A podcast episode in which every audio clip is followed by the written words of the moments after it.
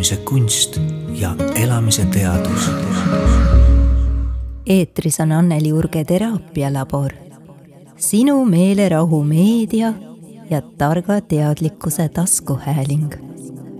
täna räägime vihast ja sellest, kuidas kasutada viha tänuväärse tööriistana meid kahjustavate suhete muutmiseks. viha on märguanne, mida tasub kuulda võtta. Meie viha võib olla sõnum sellest, et meile on liiga tehtud. meie õigusi on riivatud, vajadusi või soove ei ole piisavalt tähele pandud või lihtsalt sellest, et miski meie elus pole korras. viha on tunne, sel on oma põhjus ja see väärib alati meie hoolivat suhtumist ja tähelepanu. meil kõigil on õigus tunda just seda, mida me tunneme. ja muidugi ei ole viha siin mingi erand. kahjuks on vaid vähesed meist saanud õppida kasutama oma viha et asju endale selgeks teha ning iseennast ja oma suhet tugevdada. selle asemel oleme õppinud viha üleliia kartma, seda päriselt maha salgama ja väärate sihtmärkide peale ära kulutama või sootuks iseenda vastu pöörama. oleme õppinud eitama seda, et vihal on põhjus, õppinud silmi sulgema viha allikate ees ja valama oma viha välja ebatõhusalt, nõnda et see ainult säilitab väljakutset ja valitsevat olukorda. tänases podcastis kutsun ma teid kuulama, kuidas nendest käitumismallidest vabaneda ja panna oma vihaenergia tööle meie eneseuhkuse ja kasvu heaks. täna on meie saatekülaliseks kliiniline psühholoog, pereterapeut ja koolitaja Kiira Järv. tere, Kiira, kuidas te end täna tunnete? tere! ma ütleks, et ma olen natuke elevil, sest mul on hea meel, et ma saan rääkida mulle tähtsatel teemadel, mis inimeste suhteid puudutab. No suhted on alati väga tähtis teema, et olgu mis kriitiline aeg tahes inimeste elus, nagu meid praegu ümbritsevad mitmed kriisid ühiskondlikul plaanil, siiski suhted on need, mis on inimestele esmatähtsad ja tähtis on, et need suhted oleksid head. Teie olete tere, pereterapeut. No palun selgitage natuke meie kuulajatele, mis on see pereteraapia, mis on selles nii erilist ja millal on vajalik just pereterapeudi juurde pöörduda? sellele võib vastata kitsalt ja laialt nagu matemaatikas. Ehm, ma arvan tegelikult niiviisi, mõeldes oma kogu oma praksisele psühhiaatrias, psühholoogia valdkonnas, et et inimestel võib-olla kõigil oleks vaja eh, noh, natukene laiemat vaadet iseenda probleemidele ja, ja otsida niisugust eh, noh, kontekstist vaadet ja abi. et me sünnime suhetesse, me elame suhetes ja meiega juhtuvad asjad suhetes. et sellest meil ei ole pääsu, sellepärast on väga mõistlik vaadata selle spetsialisti tausta, kelle poole pöördud, kui sul on ka võib-olla iseenda sisemised vastuolud, ärevus ja tervisehäired, aga, aga kindlasti igal juhul, kui sa tunned, et suhetes on pingeid, on rahulolematust, lastel on probleeme tekkinud, ei halda halda olukordi, et noh, inimeste elus on väga-väga palju niisuguseid pingemomente, kus võiks pereterapeudi juurest abi küsida, natukene arutada vaadata, miks ma nii käitun, miks meil nii juhtub, miks meie suhetes on just niisugused teemad, et see kõik oleks abistav viimasel ajal on inimesed tõesti hakanud rohkem huvi tundma, miks nad nii käituvad, et kust need mustrid pärit on? kas see tuleb pereteraapias välja? ja just, just, just seda me hakkamegi vaatama, kui inimene on ennast nähtavaks toonud oma muredega, siis vaikselt hakkame tema sugupuud joonistama ja tema peremustreid uurima ja tema ja aitame inimestel noh, kõige rohkem võib-olla hakata iseenda osa selle, neis olukordades, kuhu nad satuvad, hakata seda iseenda osa vaatama ja kaardistama, vaatlema, märkama ja siis muutust tegema kas ähm, pereteraapia on vestlusteraapia või tegeletakse seal ka nii-öelda tunnetega mõne teise meetodiga? no pereterapeudi ettevalmistus äh, võiks olla niisugune laiapõhjalisem küll, et äh, mida rohkem meil tuleb teavet äh, arengutrauma tööst, kiindumussuhte traumatööst, et seda, seda olulisem oleks pereterapeudil ka osata nagu traumatööd teha. Selles ähm, teraapias on üsna oluline, et inimene saaks teada, mis tundeid ta tunneb ja, ja et ta saaks üldse aru, et ähm, kus ta oma äh, hetkeolukorraga on eelmises saates me käsitlesime põhjalikult intsesti teemat siin Alkeemia podcastis. Ja üheks tähtsaks äh, keskseks faktoriks oli, et need inimesed, kes on olnud intsesti ohvrid, neil on väga palju allasurutud viha. Ja inimesed tihtipeale on läinud läbi elu viha kogu aeg alla surudes ja alles siis hiljem teraapiasse sattudes on nad ähm, saanud ühenduse oma vihaga ja õppinud seda väljendama minu ees laual on täna üks väga huvitav raamat, kirjastus Pilgrim on selle raamatu välja andnud ja see raamat on Harriet Lööneri kuidas muuta lähisuhete mustreid, toimetulek viha ja teiste negatiivsete tunnetega. see on ähm, selle raamatu kordustrükk ja algne pealkiri oligi tal Vihatants ja see raamat tegelebki põhiliselt ähm, inimeste siis emotsioonide kaardistamisega ja peamiselt äh, vihakäsitlusega ja kuidas me reageerime ühel või teisel viisil oma lähedastega ja peresuhetes ja suhetes põlvkondade vahel. täna räägimegi sellest raamatust. kui te seda raamatut lugesite, mis äh, tundeid äh, teid valdasid, mis mulje teile jäi? Ma pean hmm. jällegi ütlema, et niisugune rõõmus elevus, et see on tõesti sümpaatne raamat äh, näitamaks, äh, mis meiega juhtub äh, suhetes, miks juhtub ja mulle meeldib väga ka selle raamatu lõpuosa, kus on no läbivalt raamatus on see näidatud võimalusi, kuidas oma teemadega ja muredega tegeleda, mis nende taga on, aga et lõpuosas on eriti veel igasuguseid niisuguseid häid, häid konkreetseid näpunäiteid, kuidas, eh, kuidas inimene ise võiks ennast aidata. väga sümpaatne. aga väga, väga niisugune elavalt ja, ja arusaadavalt ta näitab juhtumite kaudu ka, kuidas me oleme mõjutatud ja noh, sellest, mille, millisest lapsepõlvest me tuleme, millised suhted on meil oma päritoluperes olnud ja et kuidas see olevikus siis hakkab kõik mängima uuesti see autor on ise öelnud, et äh, temale teadaolevalt on see raamat justkui omalaadseks päranduseks ühelt äh, põlvkonnalt teisele, siis emalt tütrele, tütrelt omakorda oma tütrele. et see on olnud nii paljude põlvkondade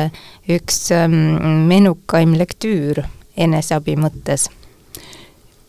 jaa, ma usun, ma usun ja minu kliendid on ka kõik alati väga kõrgelt hinnanud seda raamatut, kui nad on lugenud. ja minu rõõm on veel ka sellega seoses, et ma tegelikult oma pereterapeuti me koolitame äh, niisuguse esimese valikuna Mary, Mary Bowen'i äh, süs-, peresüsteemide teooria järgi ja see on niisugune hea Äh, hea selle arusaama või käsitluse lahtikirjutus, ilma et peaks olema seal keerulisi teoreetilisi termineid, aga väga, väga noh, inimesele arusaadavalt on need mehhanismid kõik nähtavaks toodud. No räägime vihast, miks on see viha üks selline emotsioon, mida siis inimesed ei taha tunnistada tihti, et ma olen vihane või kõik tahavad olla nii-öelda rahulikud ja, ja heas toonuses, et vihane olemine ei ole nii väga kihvt no tea, samas see raamat nagu näitab, et on olemas ka see teine, teine pool inimesi, kes ainult niiviisi vihasena oskavadki oma olukordi lahendada. aga no ma mõtlen, et äh, viha on nagu natukene äh, et seda hakata viha tundma, siis me peame vaatama, mis meie olukord üldse on. ja vahest on see äh, palju parem üldse mitte midagi vaadata, mitte midagi tunda, sest seal on palju, selle viha all on palju valu ja kurbust ja üksildust ja aga, aga see, kas me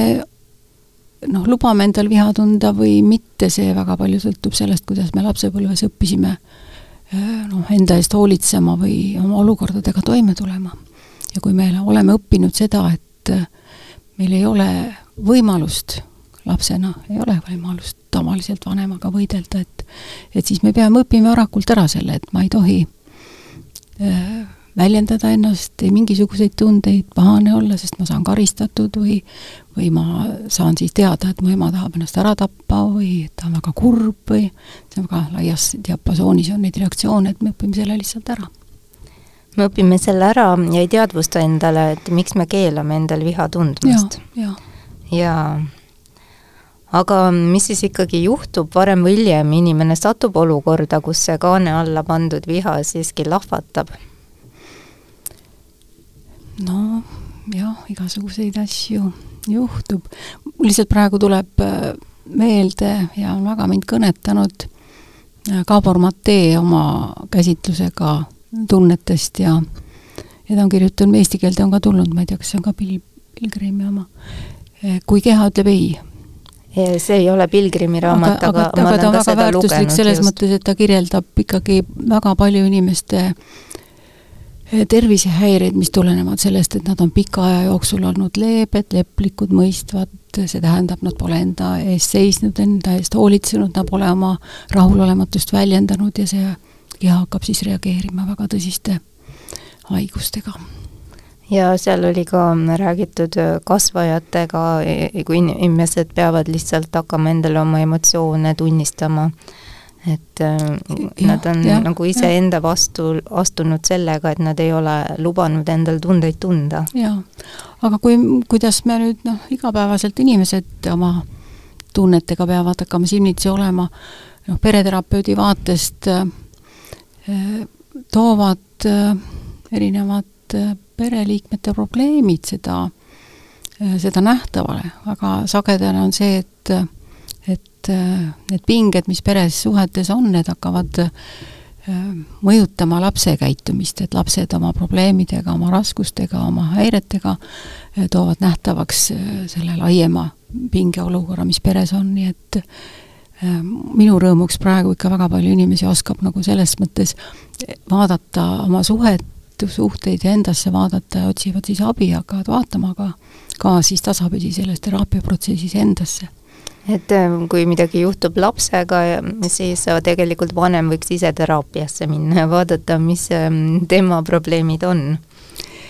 ja tegelikult, tegelikult nii ongi, et mina mõtlengi sellest laste aitamisest rohkem niiviisi, et et väga tähtis on, et ma saaks aidata vanemaid iseendaga hakkama saama, oma suhtega hakka saa-, hakkama saama, et siis nad on kõige paremad vanemad ja, ja, ja ravimid oma lastele see, see on nii, aga ka need vanemad tulevad äh, kuskilt perekondadest, kus on omamoodi olnud need käitumismustrid nagu kivisse raiutud. Ja, ja nende vanemad omakorda jälle tuleb, pärinevad oma vanematest, et see, mis meiega täna toimub, see ei ole niivõrd võib-olla eelmise põlvkonna teema, vaid ikkagi see on põlvkondade kaupa juba mm, talletatud muster. jaa jah, see, see on jah, see on ka tore, kuidas selle, selle nähtavaks toob see raamat, see vihatantsuraamat või see lähisuhtemustrite raamat. aga, aga nii ta on ja see, see probleemne olukord, mille pärast inimesed abi otsima siis jõuavad, ikkagi aitab natukene peatuda ja äh, mõtestada ja mõtelda, revideerida seda noh, ma, ma ütlen vahel käsikirja, et mis meil on ette kirjutatud mitme põlve jooksul mismoodi me peaksime elama. Ja see ei ole käsikiri, mis on kirja pandud, vaid seal on väga palju, palju niisuguseid ähm, ala, alateadlikult äh, vajalikuks äh, osutunud kohanemiskäitumist, toimetulekuviise, mis siis selles ajas, neis eelmistes põlvedes, eelmistel sajanditel oli väga kasulik. aga täna me elame nii palju teistsugusel ajal, meil on nii palju teistsuguseid võimalusi, et me peame lihtsalt vaatama, kas on mõistlik sellel samal viisil, sellesama käsikirja järgi elada. Just, ühiskond on nii palju muutunud, kui selles raamatus räägitakse enamasti just äh, naiste rollist ja kuidas on enamasti just naised õppinud oma viha alla suruma, sest nemad on pidanud äh, ikkagi sajandite kaupa täitma ühiskonnas seda hoolitseja, abistaja, siis äh, ütleme, tasakaalustaja rolli ja jätnud oma vajadused tagaplaanile siis tänapäeval on ju lugu hoopis teisiti, et enam ei ole oluline, oled sa naine või mees, igal juhul on tähtis, kuidas sa ennast tunned ja kuidas sa käitud. jaa, ja, ja ma natukene mõtlen seda ka, et see on niisugune omapärane käsitlus, et naised surusid oma tundeid alla. ma mõtlen, et et siiamaani võib-olla omistatakse meestele palju seda, et neil ei olegi tundeid ja neil on mingid teised tähtsad asjad, mida nad peavad ellu viima, aga see ei tähenda, et neil on palju äh, allasurumata tundeid või isegi pole luba tunda, pole luba oma tundeid näidata, mis samuti viib neid ka tõsiste tervisehäiretena ja ärihäireteni ja no probleemideni suhetes vägagi absoluutselt mõistetav, sest et kindlasti on paljudes peredes just meestel see suurem vastutus selle perekonna hea käekäigu eest ja materiaalsete väärtuste eest. kui naine on jälle lastega kodus harjunud olema, eks. no see on see, mis tõesti tuleb eelmistest põlvedest, kus mm -hmm. niiviisi eh, niiviisi naistel oli üldse vähem tööpõllul rakendust ja ja mehed olid see,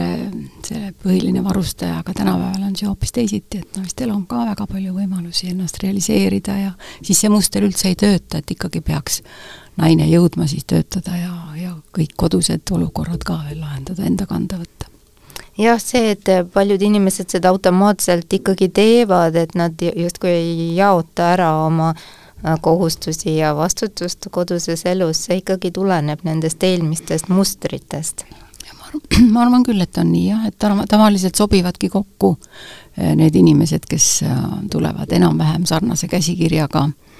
eh, oma, põlvnevad oma päritoluperedest, et kus äh, need rollid on selgelt määratletud ja, ja olukorrad tänapäeval hakkavad nõudma, et võiks ka teisiti teha, et siis tuleb palju põrkumisi. või nad tulevad tõesti ka erinevate käsikirjadega perest, et siis hakkavad need konfliktid juba nähtavale tulema päris varakult nii see on. aga kui siis äh, konfliktid ähm, hakkavad tekkima, siis ähm, inimesed saavadki vihaseks ja nad ei saa vanaviisi enam edasi minna, peavad vaatama, et äh, kuidas, äh, miks ma saan vihaseks ja ja kuidas siis seda olukorda muuta, mida ma saan teha. see algab ilmselt ikka iseendast selle muudatuse tegemisega, aga paljud on valinud tee, et nad kindlasti peavad muutma oma partnerit, teist inimest. jaa see, see on niisugune klassika tõesti, et et eks meie, ikka veel tuleb meie vastuvõttudele ka palju inimesi, kes tahaksid võib-olla täpsemaid juhtnööre muuta oma suhete olukorda nii, et see teine inimene muutuks, et väga raske on nagu seda endale vaadet võtta, ennast märgata, oma käitumisi seostada sellega, eh, mis juhtub parasjagu selles suhtes, nii et see teise muutmine ja teise parandamine ja teise peale nii pahane olemine ja kritiseerimine on väga, väga jah, tuleb meil nähtavale küll ja see võtab nii palju aega, enne kui siis inimesele kohale jõuab, et ähm, tõepoolest teist inimest, ükskõik kui palju ma ka püüan, muuta pole võimalik. jah, eks seda katkest-, kat-, katsetatakse ju väga palju ja ikka siis vaatame ka, et kuidas te, kui inimesed tulevad vastuvõtule, et kuidas sa siis seda olukorda lahendad või kuidas sa selles käitud, siis inimesed arvavad, et nad võitlevad väga palju või nad tahavad muutust, nad tahavad muutust aastaid ja nad arvavad, et nad noh, pingutavad selle nimel väga palju, aga kui me hakkame vaatama, siis küsime, mis muutus, mitte midagi ei ole muutunud, et see, see toob natuke nagu maa peale. siin raamatus on mainitud selliseid kõige levinumaid rolle suhetes, et me täidame paratamatult üht või teist rolli, erinevates suhetes võivad need rollid ka olla erinevad. näiteks äh, välja on toodud emotsionaalsed jälitajad ja emotsionaalsed põgenejad, ülejala funktsioneerijad mulle endale ei ole väga, väga nagu harjumuspärane neid, neid mõisteid kasutada, aga, aga ma arvan, et nad illustreerivad väga ilusasti seda, kuidas neid mustreid, mismoodi siis inimesed on äh, nagu õppinud oma olukordi lahendama. me kõige rohkem kasutame seda üle- ja alafunktsioneerijat, kui me vaatame paari, paarisuhet. kuidas see toimib? Selle, seda raamatut tasub lugeda, sest seal on väga head kirjeldused ka selle kohta. et ülefunktsioneerija on harjunud äh, elama käsikirja järgi, äh, kus üks peab võtma vastutuse, väga palju vastutust kõige eest. mis juhtub, mis toimub, mis keegi tunneb, mis teeb, ta, äh, ta noh, korraldab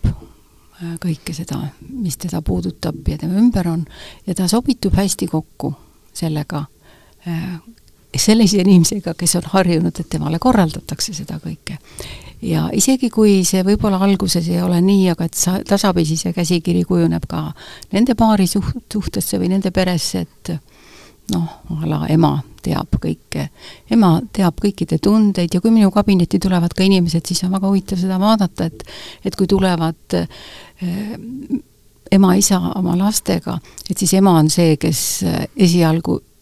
hakkab kõigi eest vastama mida mu poeg tunneb või mis mu mees mõtleb, et me seal saame koha peal hakata näitama. sellepärast on ka tore, et et kogu pere on siis seansil kohal, et me saame teiste käest ka küsida, et kas need on need mõtted, mis sa tahad, et su naine sinu kohta räägib või kas see ongi selline tavaline olukord, et siis tuleb nähtavaks selle üle- ja alafunktsioneerimise eh, niisugune muster ja ja võimalus võtta igalühel vastutust, me ei saa eriti nõuda ülefunktsioneerijalt, et ta lõpetaks selle, kui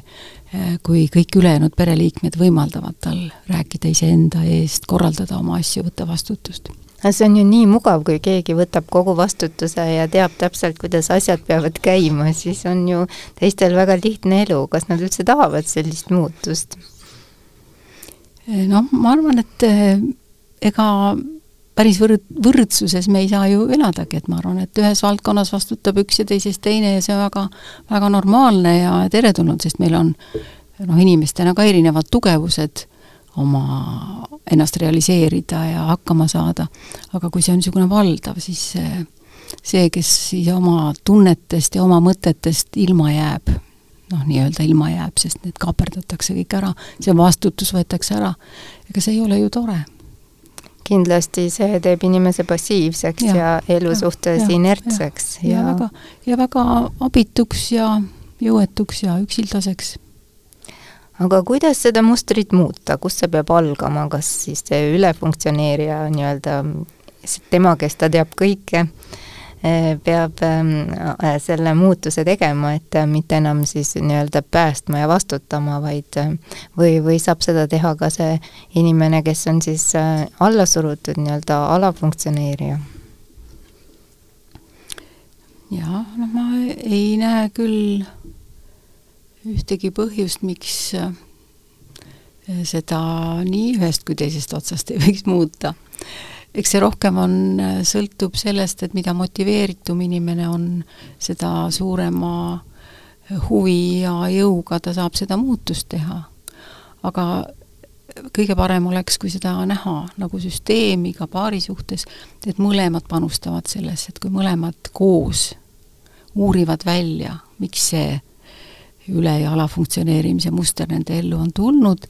ja, ja miks nad rahulolematud on, mis, mis sellega on juhtunud nende peres, et siis nad saavad mõlemad neid samme teha. aga kas inimesed on äh, nii, mm, ütleme siis äh,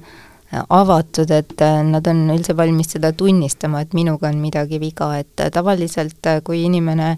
tunneb, et äh, midagi vajab muutust, siis ta läheb teraapiasse ja sealt hakkab siis selle tema arengulugu individuaalteraapiasse. see, et nüüd seda teist inimest ka saada teraapiasse, see on üks tükk tegemist minu kogemust mööda mm. -hmm. jah, ma olen ka kunagi individuaalterapeudina päris palju töötanud, aga aga täna ma mõtlen, et äh, ma näen seda erinevust, kui me, kui meil õnnestub kaasata kaasata rohkem pereliikmeid selles olukorras, kus see inimene hädas on, kes siis pöördub, kes esimesena nagu märkab, et tal on, tal on raske, tal ei sobi see enam, kuidas on. et see tegelikult väga keeruline ei ole, kui inimene saab aru, et tegelikult igasse suhtesse panustavad mõlemad oma, oma viiskümmend protsenti, see lihtsalt koosneb sellest, sellest, et et muidugi on inimesi ka, kes ei saa tõesti oma partnereid kaasa või noh, me räägime, ma töötan ka väga palju, mulle meeldib äh,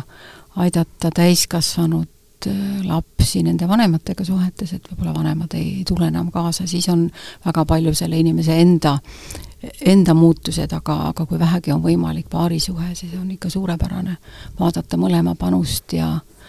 ja inimesed saavad sellest enamasti aru, aga ma mõtlen ka, et võib-olla nad tulevad minu kui pereterapeudi juurde, sest nad teavad juba, et et nii on, nii on mõistlikum ja nii on loogilisem. kiiremad lahendused paremuse suunas? ma arvan küll, jah, jah, et siis, siis on vähem tõenäosust, et see suhe lõpeb äh, lahkuminekuga või suurema kriisiga, sellepärast et kui üks hakkab liikuma, mõtestama oma suhet teisiti ja teine ei ole üldse valmis kaasa tulema, et siis see suhe paraku tihtipeale lõpeb nii see tõesti on. Te mainisite, et te töötate palju täiskasvanud äh, lastega, kellel on siis oma teemad vanematega lahendamata. et äh, ku-, kuidas nad teie juurde satuvad või või millal nad siis ära tunnevad, et neil on ikkagi vaja oma teemad oma vanematega ära lahendada, et oma siis paarisuhtega ja oma lastega paremaid suhteid luua? nii, et äh, ega see on nüüd väga huvitav, ma olen ju sellel äh, pereteraapia väljal olnud oma kolmkümmend aastat, et see tõesti praegu on nii ka, et inimesed juba märkavad äh, või noh, nagu kuidagi tunnetavad seda, et see, kuidas nende suhe on vanematega või ka päris eakad inimesed, kuidas neil suhe oma täiskasvanud lastega on, et see äh, vajab muutust, aga enamasti me ikka jõuame selleni äh, noh, võib-olla läbi paarisuhtega töö, kus me näeme, äh, kus äh, nii jõuliselt sellesse oleviku suhtesse mehe ja naise vahel või partnerite vahel, kes nad siis iganes on, äh, tulevad sisse noh, läbi töötamata, välja elamata tunded oma vanematega suhetes, mingisugused trigger'id on, nii et tihtipeale et imago paari suhteteraapia, mille väljaõppes ma olen ka olnud, ütleb, et et kuni kaheksakümmend, üheksakümmend protsenti võib-olla neist suhteprobleemidest taandub tegelikult sellele, et me kaotame ühenduse olevikust teineteisega ja hakkame reageerima mingite niisuguste vallandajatavate käitumiste äh, tõttu oma partnerile, nagu oma emale, kellega on teemad lahendamata, või isale või vennale, need traumeerivad olukorrad tulevad väga kergesti. me regresseerume sellesse äh, lapsepõlveaega, nooruki aega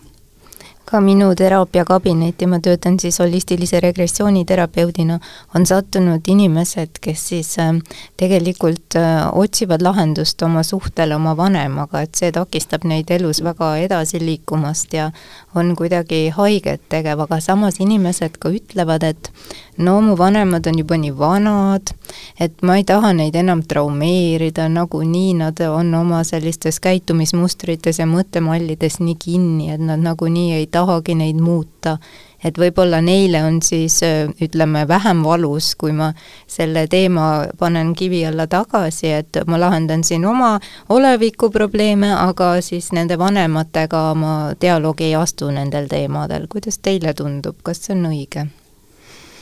no eks igaühe oma valik ole, aga mulle meeldib see teie nimetatud raamat ka sellepärast, et seal on tõesti nagu väga selgelt nähtavaks toodud see, et me kahjuks, kui me ei lahenda ära neid teemasid oma vanematega, me ei saa eh, niisugust tõhusat muutust oma olevikusuhetes, ei tööalaselt, ei, ei oma pereringis, see lihtsalt mängib sinna kaasa, nii et ja, ja ma, ja mulle väga meeldib, et et te toote selle nähtavaks, et inimesed on mures sellega ja nad tihti tahavad seda nagu nii-öelda kalevi alla panna või ära panna, seda teemat. et minu silmad ei ole praktiliselt üldse näinud niisugust olukorda, kus vanematel ei oleks olnud hea meel sellest, et nad kuulevad tegelikult, mis nende lapsed päriselt tunnevad, mis nad päriselt vajavad. sest see on see, mille järgi nad saavad siis ennast seada. ma räägin neile inimestele seda ka, et, et see ei ole aus. et see ei ole nagu vanema suhtes armastus, kui te niiviisi hoolivalt oma noh, mured ja teemad nendega kõrvale panete, see ei ole aus, see on äh,, ei anna neile võimalust, see ei ole lugupidav. et niisugune lugupidav suhtumine oma vanemasse oleks ikkagi see, et ma ütlen ausalt. ja mina olen siis terapeudina tihtipeale nagu, pean olema ka toeks, et äh, et need, sest uskumatult raske on oma vanematele mingeid asju öelda ja muidugi uskumatult raske on vanematel seda vastu võtta, sest see ei lähe nende pildiga kokku. aga teraapiaprotsessis on hea, kui saab mõlemaid toetada ja nad tulevad sellest läbi ja neil on see kogemus, et see on võimalik ja see alati, muutub see, see suhe hierarhiliselt, kui me mõtleme põlvkondade vahel, lähedasemaks, soojemaks, mitte alati ideaalseks, aga, aga see kvaliteet muutub väga palju. ja oluline on ju ka see, kuidas seda öelda sest inimesed on tihti emotsioonidest laetud ja kui nüüd laetud äh, reaktiivses äh, seisundis seda vanemale ütlema minna, siis see kindlasti seda olukorda paremaks ei tee. väga hästi jällegi on vaja sellele fookust võtta tõesti, et ärge minge lihtsalt ütlema, mida te te mõtlete, sest te räägite enamasti sina keeles. Te hakkate rääkima temast, mis tema teeb valesti, mis tema teeb teisiti. aga see on ka, mis teraapiaprotsessis noh, ma aitan inimestel kõigepealt, kellel on sõnum oma vanemale või vanemale oma täiskasvanud lapsele, ka oma vanuses lapsele, et ta hakkaks õppima rääkima endast, et ta räägiks mina keeles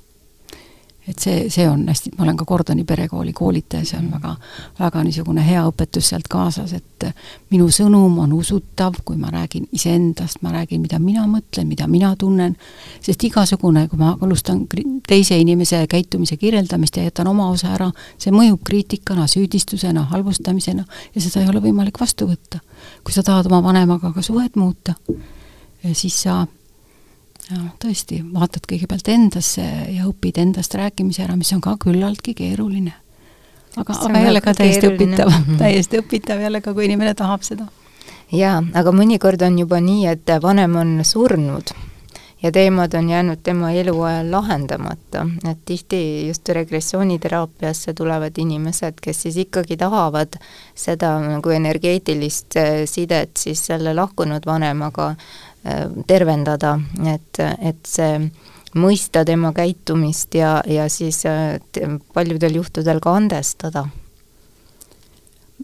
jah, noh, jah, andestamisega on omaette lood, et siis peaks olema, see tundub nagu väga, väga jumala positsioonilt andeks anda, aga aga ma arvan, et mõistmine on küll tähtis. Ehm, see, kuidas mina töötan, on, ma aitan neil inimestel nende tunnetega ühenduses olla ka vihased olla ja siis vaadata selle viha alla, et seal on palju erinevaid haiget saamisi selle vanemaga, kellega see pinge on säilinud, kuigi ta on võib-olla kakskümmend aastat juba surnud. et, et see pinge, mis selle, mis selle täpsem sisu on, et siis saab vanem, vanemale kirja kirjutada, saab sellega tegeleda, saab vanemalt vastuse kirjutada, see on väga ter-, tervistav või tervendav, võib niiviisi öelda, ja muidugi väga ma soovitan ja inimesed teevad seda uurimistööd, et nad äh, sukeldavad selle vanema loosse. on võimalik ikkagi leida äh, lähedasi või tuttavaid, kes mäletavad äh, minu ema või isa tema aegadest, tema olukorda, eriti väärtuslik on, kui veel vanemad elavad, et siiski uurida Eh, nende lapsepõlve, nende vanematega suhet, nende sotsiaalset olukorda sellel ajal, kui nemad kujunesid ja, ja selliseks, selliseks said, nagu nad on, et see leevendab ka väga-väga, väga nagu seda pinget, tuleb rohkem mõistmist, tuleb rohkem arusaamist, tuleb soojust oma vanema suunal. aga al-, ala-, algama peaks see ikkagi sellest, et ma vaatan selgelt, mis see, mis mina tunnen ja et ma oskan neid ka väljendada, neid asju, mis on, et et see endast arusaamine äh, on oluline niisugune samm edasi, et ma uurin äh, noh, mis faktorid üldse on olnud niisugused, et äh, inimesed on, minu vanemad on selliseks kujunenud, et neil on selline suhe või et tema siiamaani, ma ei tea, muretseb või kogub asju või mis iganes ta, eks ole, niisugused asjad teeb jaa, ja ütleme, et kui äh, kas siit raamatust välja lugeda, on väga oluline, et inimesed uuriksid oma mm, vanemate ja nende esivanemate siis ähm, pärandeid, et et mis ne-, neid lugusid, mis nendega juhtus, et äh, siis nad on rohkem teadlikud nendest probleemidest, miks need praegu täna minuga juhtuvad. just nii see on, jah. aga me peame arvestama ka sellega ja seda on ka raamatus ilusasti nähtavaks toodud, et ega vanemad hea meelega ei räägi asjadest, mis kunagi on olnud tabuteemad või millest ei ole harjutud rääkima, tunnetest, suhetest, üldse see ei ole inimeste tavapärane keel olnud, nii et et see heidutab ka tihtipeale minu kliente, et oh, ta ju ei tahagi rääkida, ta läks teise tuppa hoopis, kui ma hakkasin neid asju küsima aga ma julgustan väga neid olema järjekindlad, sest et tegelikult nemad saavad ka kergenduse, need vanemad, kui nad saavad võimaluse päriselt rääkida, kui on päriselt kuulaja. Nii et, et see, siin tuleb olla neil inimestel, kes tahavad seda lahendust, äh, on vaja ikkagi olla järjekindel ja heal meelel edasi seda uurimistööd teha raamatus tuleb ka väga selgelt välja, mis hakkab siis juhtuma, kui üks inimene otsustab selles peresüsteemis, et nii enam edasi ei saa, siin peab muutus toimuma. ja otsustab siis hakata iseennast muutma ja võtab siis kas siis koostöös terapeudiga või, või siis raamatu abiga võtab vastu siis otsuse, et nüüd ma hakkan läbi viima neid samme siis enda muutmise suunas. Ja tihti reaktsiooniks on, et siis tulevad ka vastusammud just nendelt pereliikmetelt, kelle suhtes see muutus siis äh, ei ole nii, nii tore. aga loomulikult jah, et me kõik äh, tegelikult on mingis mõttes väga ebamugav, aga samas väga mugav olla tuttavas olukorras. Ja me, ja see hirm kaotada siis äh, suhet lähed, lähedast on ikkagi päris suur. Et hea, kui mina, kes ma alustan seda protsessi, nagu mõtlen sellele ka, et see on hirm, see on ärevus, see on ehmatus, et on vaja kohaneda sellega. Ja need vastukäigud või need vastusammud, need vastupanu, ütleme teraapias, et see on väga loomulik, et see, sellega tuleb lihtsalt hakkama saada, jälle ka teraapiaprotsessis ma saan äh, siis inimesi toetada, julgustada järgmist sammu tegema, et see on aeganõudev ja ja et see aga inimesed heituvad muidugi kergesti niisugustest vastureaktsioonidest, et ah, siis polegi võimalik ja ei saagi. kas inimesed ähm, on pigem äh, nagu aldid jätkama seda teraapiat või siis äh, alla andma, kuidas teie praktika näitab, kui need vastusammud tulevad? ma ütleksin niimoodi, et mina oma praktikas nüüd enam viimastel aastatel seda allaandmist ei näe. aga see on küll, kuidagi see on seotud sellega, et inimest, inimesed on palju teadlikumad, kas õieti needsamad eneseabiraamatud, mingist otsast nad julgustavad ikkagi endasse vaatama ja enda asjadega tegelema ja annavad selle lootuse, et see on mõeldav ja võimalik. aga muidugi noh, kui king väga ei pigista, siis äh, siis jätan ka need ebameeldivad asjad veel lükkan, lükkan edasi, nii et mu juures on käinud ka kliente, kes noh, saavad veidi, veidi abi oma oleviku olukorra lahendamiseks, mõned näpunäited ja ja tulevad alles mõne, mõne aasta pärast või rohkema pärastki, et siis edasi järgmist sammu astuda kas te olete seda ka kogenud, et äh, nii-öelda terapeut või psühholoog muutub kliendile selliseks nii-öelda surrogaat lapsevanemaks, et justkui alati ta peab äh, oma järgmise sammu teiega konsulteerima või muutub liiga sõltuvaks terapeudi nõuannetest? noh, siin ma ütleks äh, äh, niiviisi, et äh, teagi, kuidas seda paremini öelda, et noh, me jäin nagu mõtlema nõuannete peale, et terapeut ei ole nõuandja, terapeut käib selle inimesega seda teekonda koos temaga eh, ja aitab tal suunda hoida. ma arvan, et see, see ühest küljest võiks nii öelda, et see ei ole päris eh, professionaalne terapeut, kes äh, kellest ei saa nagu lahku minna või kellele peab väga palju toetuma. et eh, üks eh, hea terapeut julgustab eh, iseseisvalt oma samme tegema, ennast rohkem usaldama, ennast väärtustama ja iseenda, iseenda teekonda noh, valima, otsuseid tegema. aga teistpidi on jälle ka niiviisi, et ma olen küll vahest mõelnud, et ma mingil hetkel terapeudina olen natukene ema või isa eest seni, kuni tal ei ole veel ühendust oma, oma vanematega, niisugust toetavat ühendust, et siis ma mõnda aega toetan, julgustan, usaldan, et, et see on vajalik, aga see, see, ma ei, ma tean, me mõlemad teame sel juhul, et et see, see selline teekond lõpeb, et nad iseseisvuvad. ja iseseisvumine on ju täiskasvanuks saamine, ka täiskasvanueas on ju kogu protsessi eesmärk me rääkisime siin suhetest vanematega, aga ütleme, perekondades ja suguvõsades on palju teisi liikmeid ja ka siin raamatus on räägitud palju niisugustest kolmnurkadest. ütleme, neid kolmnurki võib olla igal suhtlustasandil perekonna ja suguvõsa sees kui me tegelikult adresseerime ühte probleemi, aga selle all on peidus hoopis mingi teine probleem ja suhtlus kellegi teise pereliikmega, mida me tegelikult ei teadvusta endale, kust on vajadus tervendada seda suhet. Jaa, see on üks väga hea peatükk selles raamatus, väga äh, soovitan küll inimestel põhjalikult lugeda, sest see kolmnurkade teema iseenesest on äh, noh, niisugune teema, et see on selline alateadlik äh, viis suhtes olla, nii et me, et ärevus ei kuhjuks ülemäära suureks ja inimesed ei märka, milline mõju sellel tegelikult on, aga aga see on noh, klassikaline on see, et mul on noh, niisugused väga, väga lihtsad kolmnurgad, et mul on, ma ei lahenda oma mingit probleemi oma mehega ja ma kurdan seda oma sõbrannale. Helistan talle ka, mis ta jälle tegi, mismoodi ta ütles ja kuidas see võimalik on, ma maandan selle esialgse ärevuse, selle pinge, mis meie vahel, minu vahel, minu ja mehega on, maandan ära ja ma saan hulk aega edasi elada kuni järgmise korrani. ja sõbranna tihti kirub kaasa, et ja, vaata ja, siis, selline tõbras, jah. jah, ja, ja siis see ühendus on hea ühendus kahe sõbranna vahel ja, ja väga keeruliseks jääb jätkuvalt ühendus oma mehega, et seda lähedust ei teki, nii et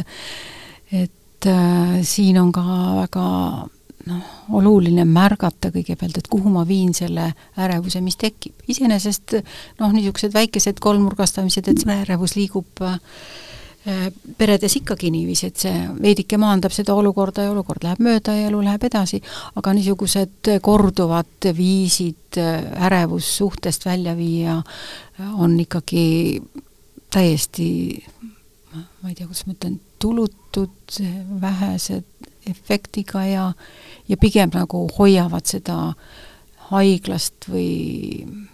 valusat suhet kestmas ja kestmas.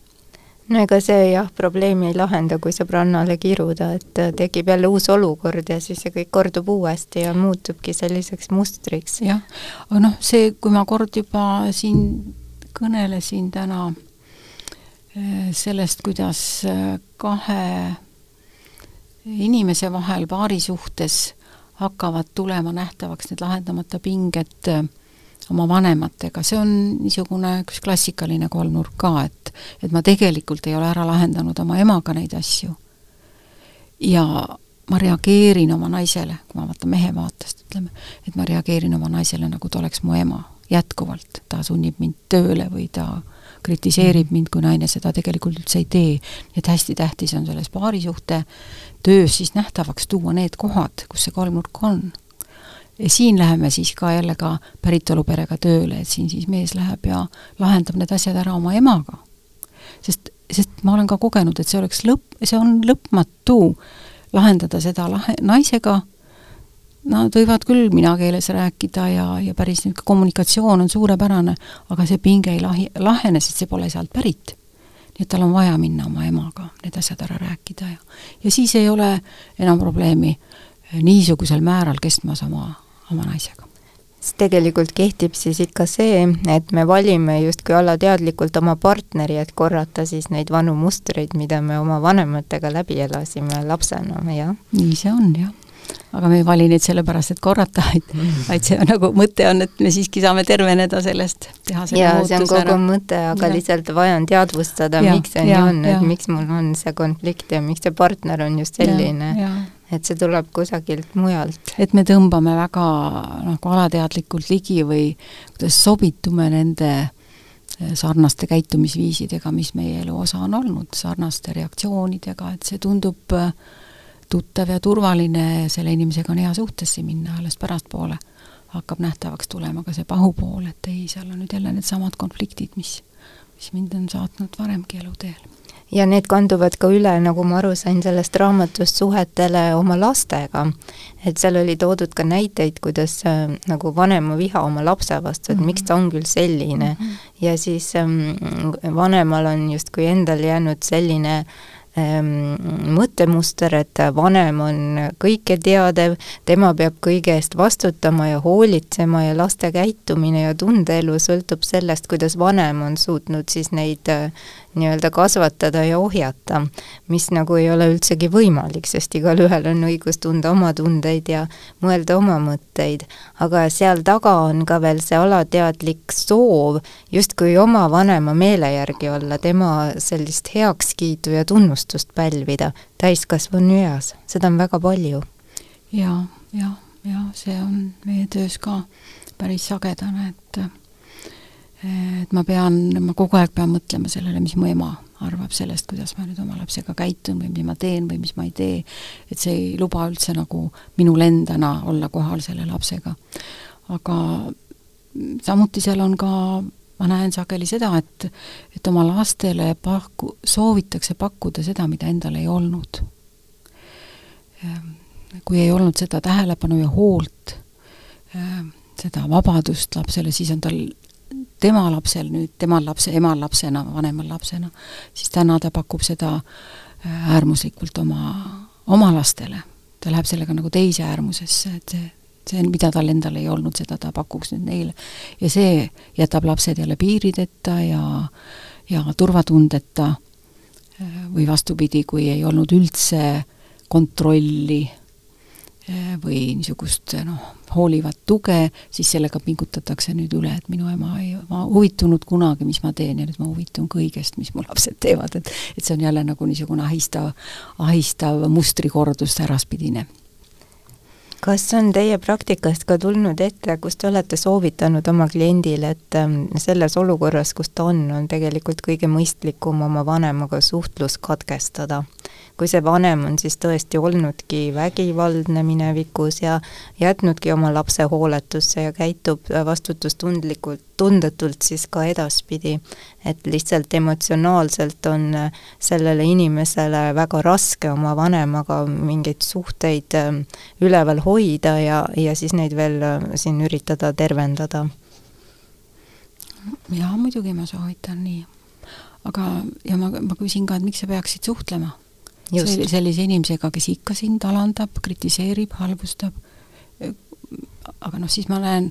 siis me vaatame koos, et see on niisugune põlvkondade eeskiri, et vanemad, vanemaid peab alati austama. just nimelt. aga see on nii absurdne, kui hakata vaatama, et kuidas ma saan austada kedagi, kes mind üldse ei austa, kes täna veel ikka alandab mind, halvustab mind, ei talu minu naist või, või vastupidi, minu meest või kritiseerib mu lapsi, et mis jaoks peaks niisugust suhet hoidma. ja ma olen ka nii mõelnud, et see on samas niisugune, meil on termin üleseotus või väga läbilaskvad piirid on põlvkondade vahel, et niisugune üleseotus oma ema või isaga, kus ma pean nagu täiesti temale kuuletama, temale alluma, temaga kõiges arvestama, ma nagu iseennast jätan täiesti kõrvale või ma ei teagi, kes ma olen, et siis siit ei saa edasi kohe selle hea Äh, niisuguse turvalise ja pidavate piiridega suhtega, et siin on vaja teha, anda vanemale teade, et mis sulle ei sobi, mida ma ei taha, ja lõpetada see suhtlemine ära. kuigi vanem kindlasti ei ole sellega nõus, sest temale peas on ju ka need uskumused, et jah, just, et vanemat peab austama ja temaga peab suhtlema, ja ütleme siis jõulud ja jaanipäevad tema juures -hmm. veetma, nagu ikkagi mm -hmm. inimesed ja. tihti just need perepühad saavadki kõige traumaatilisemateks üleelamisteks nendele inimestele. jah, jah, siit tulevad muidugi need äh, vastukäigud, nagu me oleme juba täna rääkinud, et et äh, seda noh, ma ka oma klientidele ütlen, et et paraku nii on, et kui sina hakkad oma muutusi tegema ja ütled, mis sa tegelikult vajad, et siis on väga vähe tõenäoline, et sa kohe saad äh, niisugune tervi-, tervituse või heakskiidu sellele, see paraku on niiviisi. ja see on sinu valik, kas sa siis jätkad seda, sest sina väärid seda ja sinu pere ja sinu lapsed väärivad seda ennast, et sa ennast rohkem väärtustad ja enda eest hoolitsed ja endale meelepärase elu lood, äh, või sa jätkad äh, noh, neid jaburaid käsikirju järgides äh, niisugust rahuldu-, rahulolematuse ja niisuguse allasurutud tunnetega elu. aga, aga kindlasti ei saa oodata, et nad on väga rõõmsad. Kindlasti mitte ja võib ju ka juhtuda, et kõik see mees koondub nagu üks vägi selle muutuse tahtja vastu jah, sest see on ju harjumuspärane mitu põlve kestnud viis, kuidas suhtes ollakse, see on ainus normaalsus, mida need inimesed teavad. ja kõik, mis ei ole nii-öelda normaalne või harjuspärane, see on ju ohtlik, see on ohtlik meie suhtele. et see on ohtlik meie lähedusele, kuidas ma siis, kuidas sa siia ei tule? jõulude ajal või kuidas sa siia ei tule, meie oleme kogu aeg jaanitult pidanud. et see on ka hirmutav, sest ma, hirm, niisugune alateadlik hirm oma lähedast kaotada, temast liiga eemale minna ja need viisid, kuidas siis äh, see käsikiri on ette näinud meil elada, olla suhetes äh, koos, aga samas noh, niisugusi kibestunult ja kurjalt kritiseerivalt äh, üksteisega koos olla, et see on noh, lihtsalt teisiti ei oska. ja kui see tuleb mingi teisiti, siis see on väga ohtlik, nii et see on normaalne, et niisugused äh, Äh, vastupanud tulevad sinna tervel süsteemil, aga aga ma olen näinud, et kogu aeg tulevad muutused, see on imeline, kuidas need sammud, mida inimene siis on otsustanud teha, teevad muutusi ja see vastupanu ei ole üldjuhul ikkagi eriti pikaajaline. sest noh, kõik need, ka need vanemad, kelle suunal siis see muutus toimub, nad on tegelikult äh, enamasti ikkagi väga sooja südamega ja armsad ja hoolivad inimesed, et kui nad kuulevad seda mina sõnumit, kui nad päriselt kuulevad, mida tütar või poeg vajab, et siis nad hea meelega ju teevad teisiti. ma ise usun ka, et see nii on ja tahan julgustada inimesi ikkagi seda muutust tegema, mitte jääma nendesse vanadesse käitumismustritesse kinni, sest et see nagu ei vii elu edasi ega ega, ega panusta midagi head ka ütleme, sellisesse elukvaliteeti. jah, nii ta on jah, et see jätkuvalt see oma tunnetega mitte kontaktis olla, see tähendab, et ma ei hooli neist, ma surun neid alla, või ma ka olen teadlik neist ja olen kontaktis, aga ma ei luba neil enda, enda tundeid, et see ei ole noh, rahuldust pakkuv elu, seal on pidev stress selline stressinivoo elamisel, see kahjustab tervist, see võib kahjustada suhteid, see võib kahjustada seda elu heaolu ja ma alati noh, küsin inimeste käest, et mis nad siis tahavad oma lähedastele. ja nad tahavad kõige paremat oma lähedastele. aga nad saavad päris hästi ka sellest loogikast aru, et kui mul kui ma ei hoolitse enda eest, kui mul ikkagi endal ei ole midagi anda, siis, siis see tähendab ju, et ma ei hooli neist et see on niisugune väga vastuoluline. lõpmatuseni hoolitsedes sa tegelikult oled hoolimatu ja inimesed saavad sellest aru. jah, aga raske on siis äh, seda mm, piiri panna sinna, sest et see on ju nii veres, et äh, teha teiste eest ära, hoolitseda, anda endast ja. midagi tagasi ja. saamata, jah. jah, aga noh, see on nagu igasugune ümberõpe nõuab, nõuab otsust ja, ja kordusi. ma olen nõus. vaatlemist ja märkamist, et see elukestev õpe, jah, nii on. aga mida te soovitaksite nüüd meie kuulajale, kes on just praegu aru saanud, et jaa, et aga temal on äh, peresüsteemis või tema elus on midagi, mis vajab muutust, mõned suhtemustrid, ta on saanud vihaseks ja otsustanud, et äh, ma olen vihane ja mulle aitab, nüüd on vaja muutust. mida siis esmalt teha, kui see viha üles tuleb? No näpunäiteid võib siin anda küll, aga no ma küsiks siis tema, kui ta jõuab minuni kuidagi, ta küsib seda minu näpunäidet, siis ma ütleks, et aga mis sa ise arvad? et see on see, noh, et inimene teab väga palju vastuseid, las ta natuke proovib siis juba need esimesed variandid ära, mis ta peas on. no see on, see on üks asi, kui, kui ta tõesti küsib seda kellegi käest, kui ta küsib ainult iseenda käest, siis ta võib-olla võiks minna raamatupoodi või raamatukokku ja võtta lugemist meil on praegu väga häid raamatuid, lisaks sellele, kuidas muuta lähisuhete mustreid, on meil väga, mis minu kliente väga-väga on kõnetanud, on eh, emotsionaalselt ebaküpsete vanemate pärand, mis näitab seda laiemat konteksti, siis on jah, et aru saada üldse, kust see tuleb, et ja, nende vanemad ja. ei olnud intellekt- või emotsionaalselt intelligentsed, et ja nende esivanemad omakorda ka mitte, et see ongi see, mis ja. on see reaalsus olnud. ja see on kõik, on mind mõjutanud ja ka seal iga, iga niisuguse eneseabiraamatu lõpus on ikka päris häid näpunäiteid, nagu sellesama raamatu lõpus on ikka väga, väga head niisugused konkreetsed sammud, mida võiks teha ja siis on Üksindusse jäetud, on veel üks väga, väga hea raamat, mis on kõnetanud inimesi, kes arvavad, et aga mul ei olnud ju lapsepõlves midagi hullu. ei, et isa isegi ei joonud ja töötasid, töökad inimesed olid, armastasid, hoolitsesid, korraldasid, et kuidas see emotsionaalselt siiski see hooletusse jäetus, üksindusse jäetus on toimunud, et see on ka reaalsus ja et kuidas sellega siis toimetada ja, ja missugune mõju sellel on minu tänapäeva olukorrale, see on ka väga palju inimesi kõnetanud näiteks ja aga kui need tunded siis ikkagi hakkavad äh, niimoodi endast rohkem märku andma, siis on ikkagi hea minna teraapiasse, sest et nendega toime tulla ja aru saada, miks ma täpselt nii tunnen, siin on ikkagi tore, kui on üks toetav terapeut, kes ja. inimest sellel teel, nagu te ütlesite, siis äh, toetab. Jah, toetab ja saadab sellel teekonnal ja väga väärtuslik on see, et kui ma juba saan võimaluse äh, oma mõtteid kõva häälega rääkida. hiljuti üks klient tuli ka mu juurde, ütles, mul ei ole olnud kellelegi rääkida, mul on nii palju mõtteid peas, mu pea läheb lõhki. ja ta noh, rääkis ja rääkis ja ta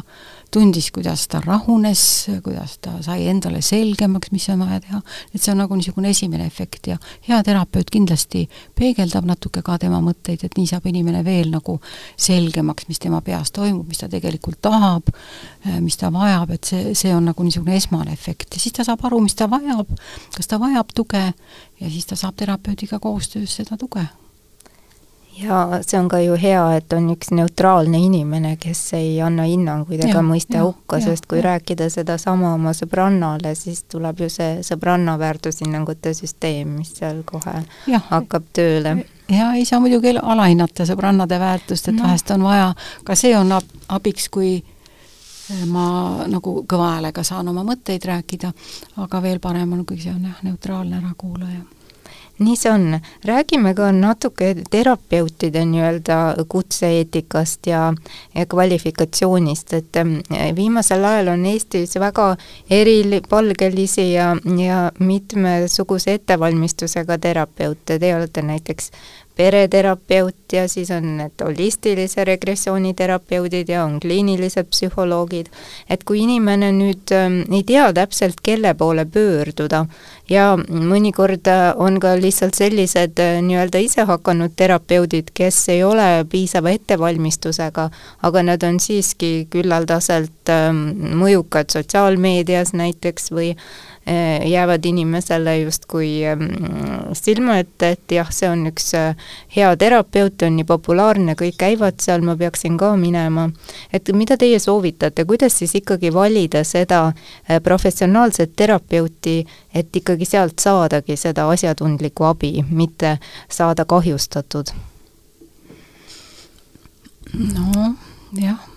tõesti, et see väli on rikkalikkust valida ma arvan, et võiks igal juhul küsida eh, kõigepealt kutsetunnistust, meil on eh, Eestis juurutamisel ju eh, kutsesüsteem, et kutsekojast saab vaadata, kas sellel inimesel on Äh, vastav atestaat siis selle kohta, mida ta reklaamib, eks see pädevus tal on olemas, äh, siis aga kuna see noh, süsteem on alles juurdumisel, ei ole väga, väga veel levinud, kõik ei ole kutset taotlenud, siis kindlasti ta, tasuks vaadata, kas olemas erialaühing, nagu pereterapeutidel on pereteraapia ühing,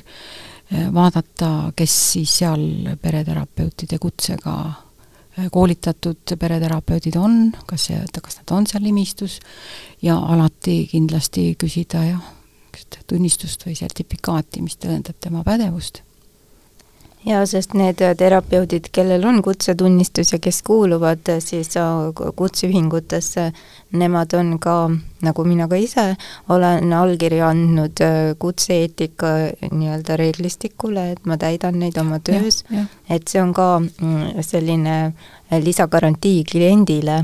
et äh, tema jutt, mis ta räägib teraapiaruumis, see jääb sinna ja terapeut on piisavalt äh, ette valmistatud, et teda aitama, mitte kahjustama. jah, et, et seal peab vaatama jah, seda väljaõpet, näiteks pereterapeutide terviklik väljaõpe on äh, kuni kuus aastat, see tähendab põhjalikku teooriaõpet, praktiseerimist, superiseeri-, superiseeritavat tööd või ühendatud tööd klientidega kahe aasta vältel ja, ja professionaalset äh, tõeliselt pädevad terapeudid täiendavad ennast pidevalt, nad hoiavad ennast uusimate asjadega kursis ja võtavad supervisiooni, võtavad juhendamist, et see peaks nagu olema selle terapeudi äh, niisugune taga, tagamaa või loomulik tema, tema elu osa. et neid asju tasub kuulata, ka küsit-, küsitleda terapeuti ennast, et kas tal on superviisor ja äh, milliseid täiendusi ta on võtnud, millal ta väljaõppe lõpetas ja kas ta on vahepeal ennast täiendanud ja aga noh, CV-d on sageli nähtaval, sealt saab seda ka kõike lugeda, nii et tasub natukene pingutada, kuulata maad ka kes, kes ja mis ja lugeda. kas teraapia on äh, praegusel ajal popp? no ma, ma ei tea vanasti ma... oli see nagu tabuteema, et justkui ah, kui see... keegi teraapiasse läks, siis tal pidi küll seal katusekorrusel midagi segamini olema. kuidas tänapäeval on see suhtumine, kas ühiskond on muutunud, mida teie ütlete? no kuna ma olen ise seal teraapia poole peal, siis ma võib-olla pole väga adekvaatne, aga ma võin seda küll öelda, et see on väga-väga-väga suur äh, lausa plahvatuslik muutus ikkagi, kui palju kliendid on teadlikumad, kui palju aktiivsemalt abi otsijad, see ei ole paljudel juhtudel, see ei ole tabuteema, aga no muidugi esi, esineb, on veel ikkagi küll, et et seda vanemates põlvkondades, mis mõttes sa lähed, aga aga õnneks see muutub nii palju, et ma näen rõõmuga, kui palju inimesed käivad erinevatel koolitustel ja tahavad ennast uurida ja, ja oma olukorrast paremini aru saada ja muutusi teha, et see on väga-väga, ma usun, et see tervendab kogu ühiskonda väga palju mina usun sedasama ja ma olen teile väga tänulik, et te tulite täna siia eh, stuudiosse ja jagasite oma kogemusi ja mõtteid meie kuulajatega. ja kindlasti on tekkinud inimestel meie jutu taustal huvi pereteraapia vastu, soojalt soovitan proovida seda teraapia vormi. Ja samuti tänan teid selle eest, et te teete nii tänuväärset tööd ja olete teekaaslaseks inimestele, kes tahavad muutust paremuse suunas aitäh, Anneli, kutsumast ja neid saateid tegemast, aitäh! aitäh ja peatsete rõõmsate kohtumisteni! alkeemia, muutumise kunst ja elamise teadus. alkeemia taskuhääling toob teieni huvitavat ja harivat keha, hinge ja meele vallast